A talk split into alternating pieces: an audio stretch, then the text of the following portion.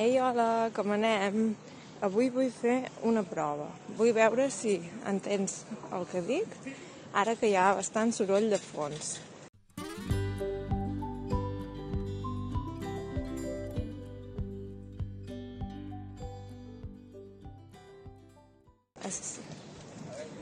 Soc a Barcelona i hi ha molta gent al carrer, hi ha bicis, hi ha persones que van a peu, hi ha cotxes, fan obres.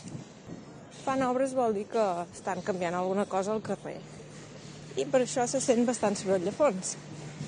I crec que és important um, escoltar també aquest tipus d'àudios perquè moltes vegades quan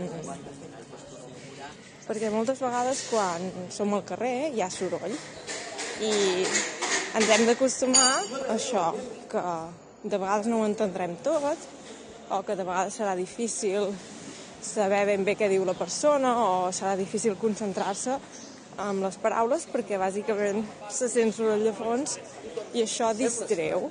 O sigui, bàsicament et quedes... Mm, no pots, diguem estar atent al 100% allò que diu la persona perquè et concentres en altres coses, en altres estímuls. I ara, per exemple, també estic caminant i potser sentiu com respiro, que respiro diferent que quan sóc a casa gravant els episodis. Llavors això penso que pot tenir un cert interès, espero.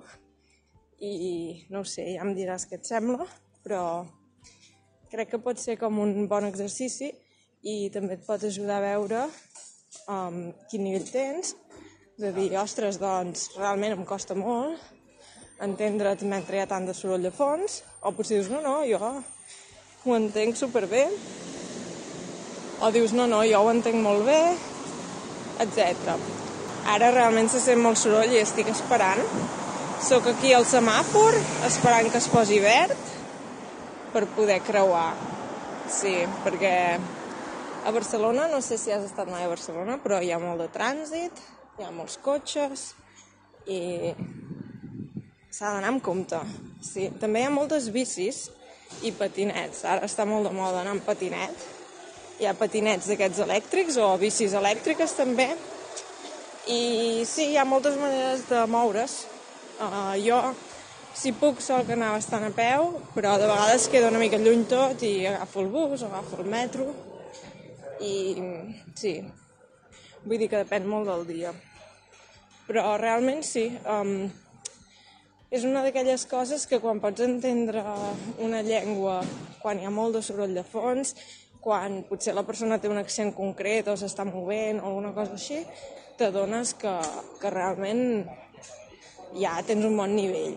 I si no ho pots entendre tot tampoc passa res, pots intentar-ho i veure com va. I sí, exacte. De mica en mica s'omple la pica.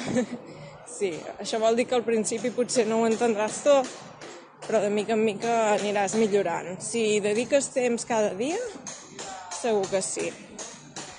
Sí, i aprofito per dir-te que el diumenge vaig treure un episodi, un, un vídeo al canal de YouTube sobre com utilitzar el temps mort.